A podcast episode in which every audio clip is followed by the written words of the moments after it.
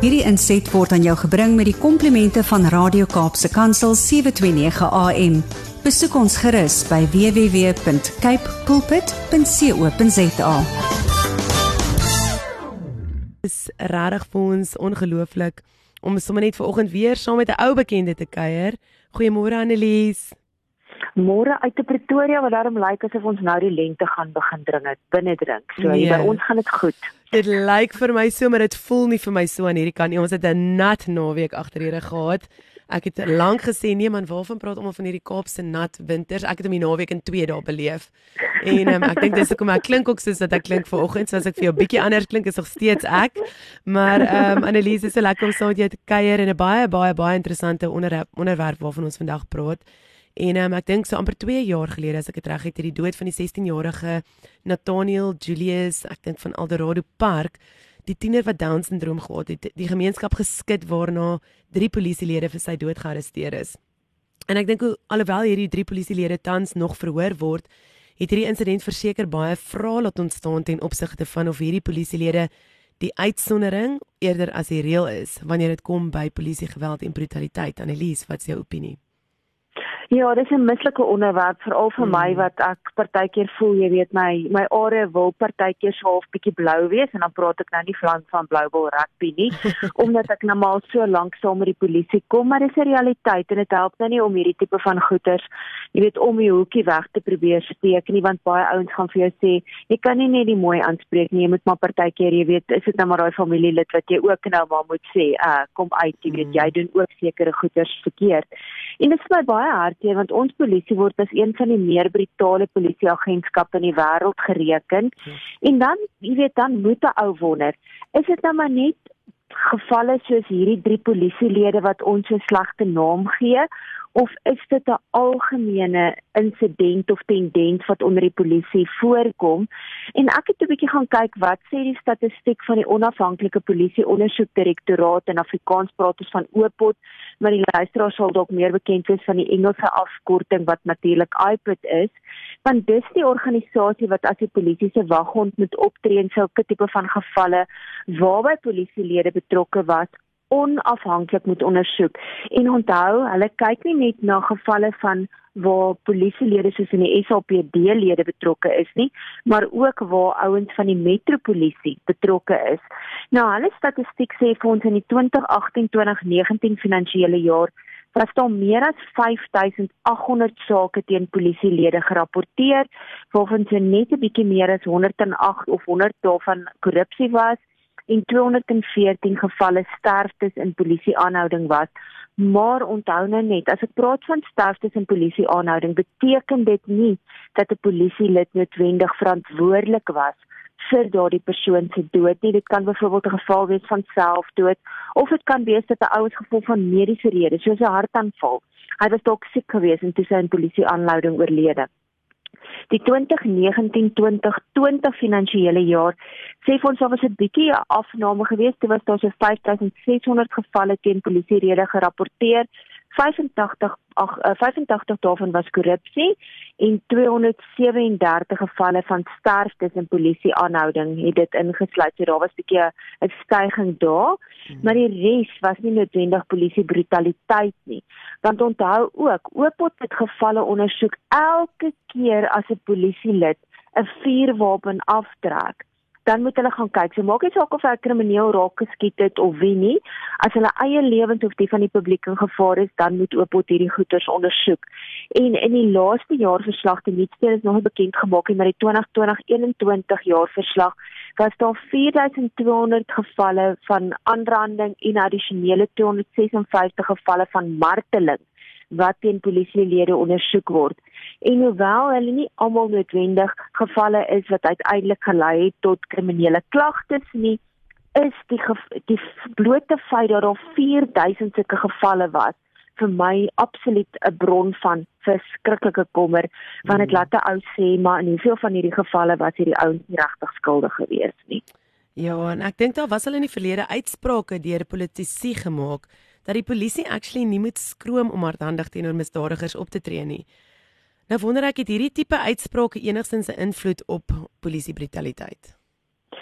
Ja, dis natuurlik iets wat 'n ou, jy weet as jy luister na partykeer van hierdie politieke uitsprake en dink 'n ou, "Jo, kon jy nie maar 'n bietjie wag voor jou mond gesit het nie, meneer die politikus of mevrou die politikus." Mm. Maar die meeste luisteraars weet, jy weet as ons nou terugdink aan in die ou bedeling, was dit algemeen dat daar polisie brutaliteit en menseregte vergrype was, want jy weet die beleid van die dag moes toegepas word deur die polisie en so kultuur kon eenvoudig nie oornag uitgewis is nie, uitgewis bewus word nie, maar nou as jy gaan kyk na navorsing van polisielede, het hulle gesê na eerste 5 jaar nadat dit die nuwe Suid-Afrika geword het, toe die polisie diens gestig is, was dit nogal 'n groot verandering wat oornag ingetree het, ironies genoeg, omdat daar fokus was op gemeenskapspolisieering, op gemeenskapsverhoudinge, demilitarisering en menseregte opleiding. En toe skielik kom 2000, die jaar 2000 en toe sit asof dinge skielik verander het. Ek weet nie hoekom nie, ek weet nie hoekom dit so waterskeiding jaar was nie. Maar een van die redes wat die ouens toe aanvoer is Die opleidingstydperk het skielik van 2 jaar na 1 jaar verminder vir polisie studente en nou kan jy dink hoeveel minder goeters word daai ouens geleer in 'n jaar minder. Ja, jy kan nou wel redeneer hierdie ouens het nou baie van hulle opleiding op stasievlak gekry.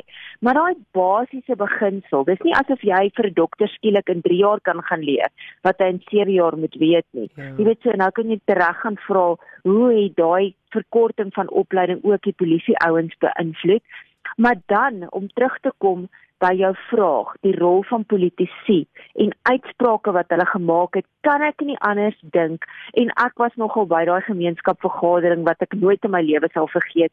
Toe die destydse adjunkminister van veiligheid en sekuriteit Susan Shabango in April 2008 en dit was na aanleiding wat gebeur het met die dogtertjie Shaldeen Liman um destyds toe sy so brutaal, jy weet, uh, die ouens wat in Pretoria was, dit sal hulle nogal bybly wat toe gebeur het. Maar toe het Susan Chabango die volgende gesê en ek gaan dit lees, dit is wel in Engels vir die polisielede na aanleiding van die van die uh, jy weet die, die misdaad wat gepleeg is you must kill the bastards if they threaten you or the community. You must not worry about regulation. I want no warning shots You have one shot and it must be a kill shot. Mm. I want to assure policemen and women that they have permission to kill these criminals. I will not tolerate any pathetic excuses for you not being able to deal with crime. You have been given guns, now use them. I want no warning shots. You have one shot and it must be a kill shot. And En ek kry sommer hoendervleis as ek daaraan dink. En dan het Bekkie Cele wat die huidige kommissaris, ag wat die huidige polisie minister is, toe hy in 2009 die nasionale kommissaris van die polisie was, ook sy opinie uitgespreek oor die gevoel oor aanvalle op polisielede. En hy het gesê 'n bullet for a bullet. En nou ja, nou kan 'n amper ou sê, maar is dit 'n kwessie van nou word hulle aangemoedig om te skiet en dan moet hulle later oor die gevolge bekommerd wees? En ek dink as jy ou dink dat polisielede tradisioneel kom uit 'n omgewing waar hulle gehoor moet gee aan opdragte en instruksies van hulle bevelvoerder of 'n senior beampte, wat 'n minister of dan 'n kommissaris natuurlik moet insluit, dan wonder jy, hoeveel van hierdie polisielede het hierdie uitsprake letterlik opgeneem wat daartoe kon lei dat onskuldige mense ook daaronder gelei het, selfs al was hulle nie noodwendig 'n krimineel nie.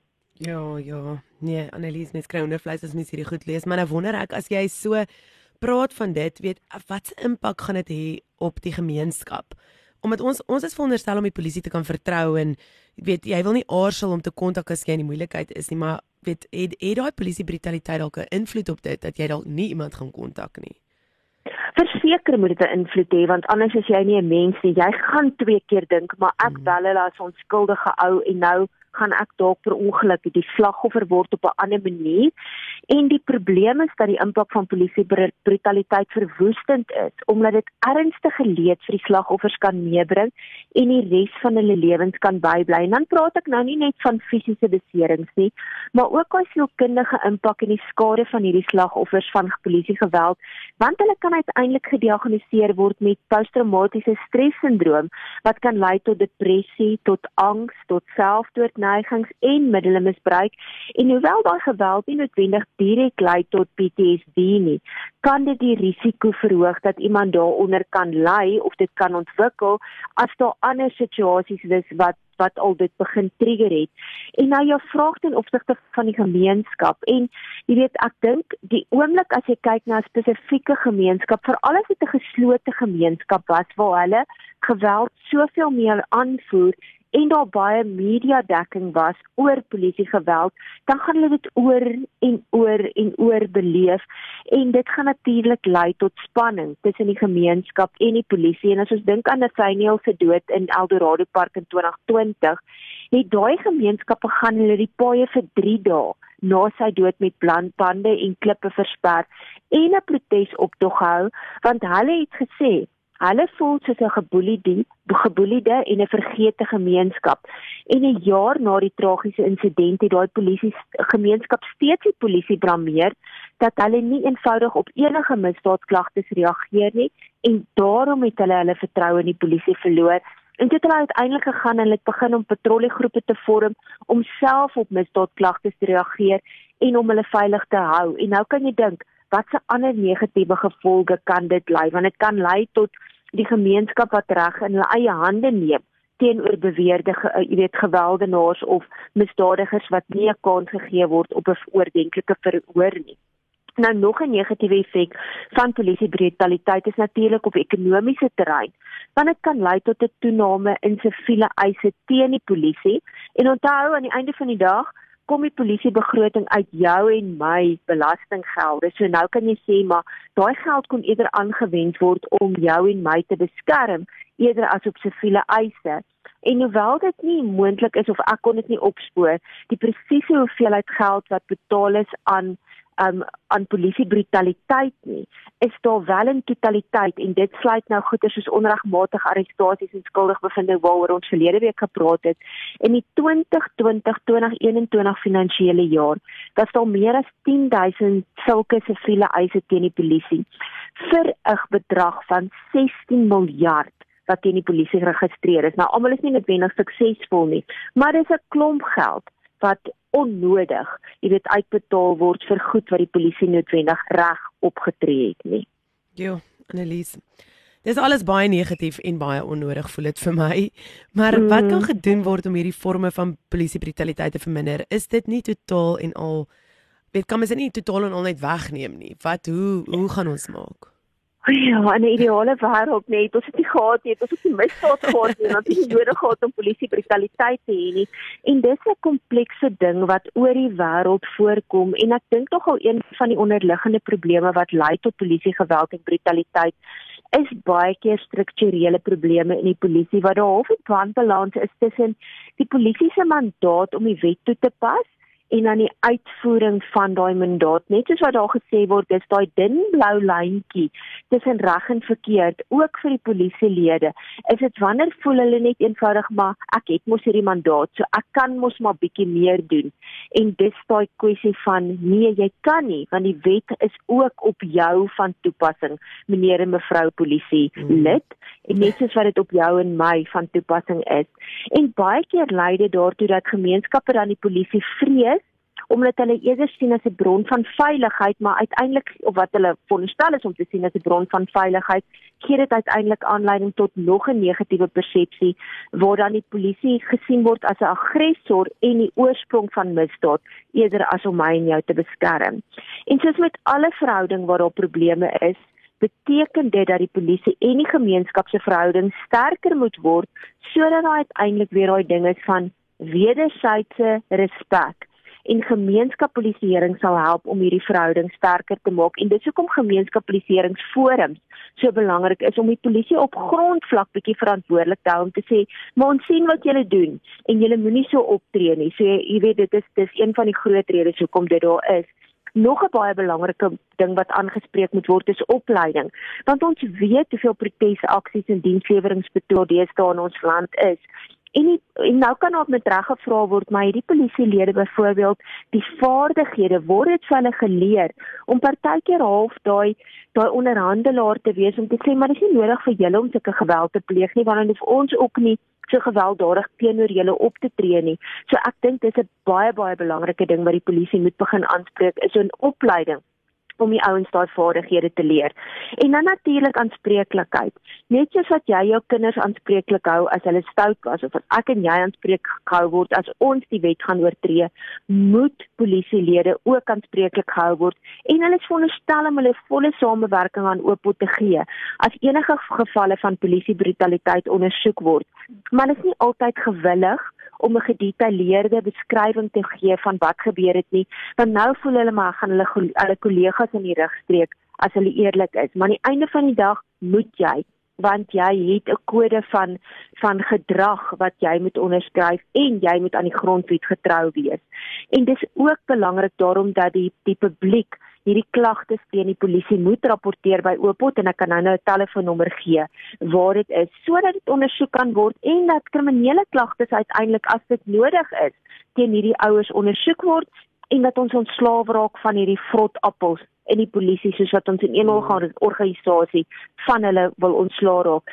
En dan laastens ons sien baie keer dat bodycams by oorseese polisieagentskappe gebruik word wat is tot beide partye se voordeel. Die gemeenskap sowel as die polisie lid se voordeel want dit gee vir jou presiese ding om te sê wat is gesien, wat was die omstandighede. Maar ongelukkig is dit baie duur en in Suid-Afrika waar ons soveel geld onnodig spandeer op siviele eise, ek dink as ons daai geld kan gebruik vir bodycams sal dit al ver gaan. Ja. So verseker, jy weet dit is nogal 'n groot ding. Aan die einde van die dag gaan dit vir my oor wederwysige respek. Mm. Ek respekteer die polisie, maar ek verwag die polisie moet my ook respekteer en ek dink dan gaan ons ver kom om polisie brutaliteit aan te spreek. Yes, Annelies, ek stem 100% saam en ek wil graag daai nommer hê waar ons dit kan aangee as jy dit vir ons dalk kan deurgee, sal dit fantasties wees. Ja, dis 0800 111969 of dan 0800 111969 en vir die ouens wat bietjie meer daaroor gaan lees behalwe vir die artikel wat ons gerap jy weet daaroor gepubliseer het kan hulle ook na iPad se webwerf toe gaan en dis www.ipid.gov.za so dis ipid.gov.za of dan 0800 11 969 om gevalle van polisiebrutaliteit te rapporteer. Monthou net kry al jou feite reg sodat daar nou nie net omdat jy kwaad is vir die polisie oor een of ander iets anders nie dat jy onnodige ouens gaan die pen gaan laat dry wat eintlik heeltemal onskuldig is. Ja, verseker. Annelies en jy kan ook inskakel daar waar jy sit, kan jy inskakel op Servamus se um nuusbrief en jy kan inteken. Hulle is 'n gemeenskapsgebaseerde veiligheids- en sekuriteitstydskrif en Annelies, hulle kan ook 'n e-pos stuur na jou na annelies@servamus.co.za of hulle kan dan op die sosiale media webwerf um, webwerf ook toe gaan, nê. Nee. Verseker, ja, ons is op Facebook, Twitter en op op um, Instagram en LinkedIn natuurlik ook ons webwerf het al ons kontakbesonderhede www.servamus.co.za. Annelies, dankie vir die werk wat julle doen en ek weet ook julle is 'n polisie um tydskrif, maar julle julle spreek al die dinge aan. Julle gaan nie net eenvoudig net een kant toe nie. Julle julle is relatief en elke dag praat julle oor 'n klomp goedjies en jy kan daarop gaan soek op hulle webtuiste ook na al die artikels wat al klaar gepubliseer is wat meer vir ons van hierdie goed vertel. Annelies, vreeslik dankie vir jou tyd en vir jou insig. Dis altyd vir my lekker om met jou te gesels en ek hoop dit bly 'n lente dag daarso in Pretoria. Dankie en sterkte vir jou. Hoop jy voel gou beter met daai stem wat so half 'n kinkel in die kabel het volhard. Dankie, ek waardeer Annelies. Lekker dagie vir jou. Groetnis. Dankie. Totsiens. Hierdie inset was aan jou gebring met die komplimente van Radio Kaapse Kansel 729 AM. Besoek ons gerus by www.cape pulpit.co.za.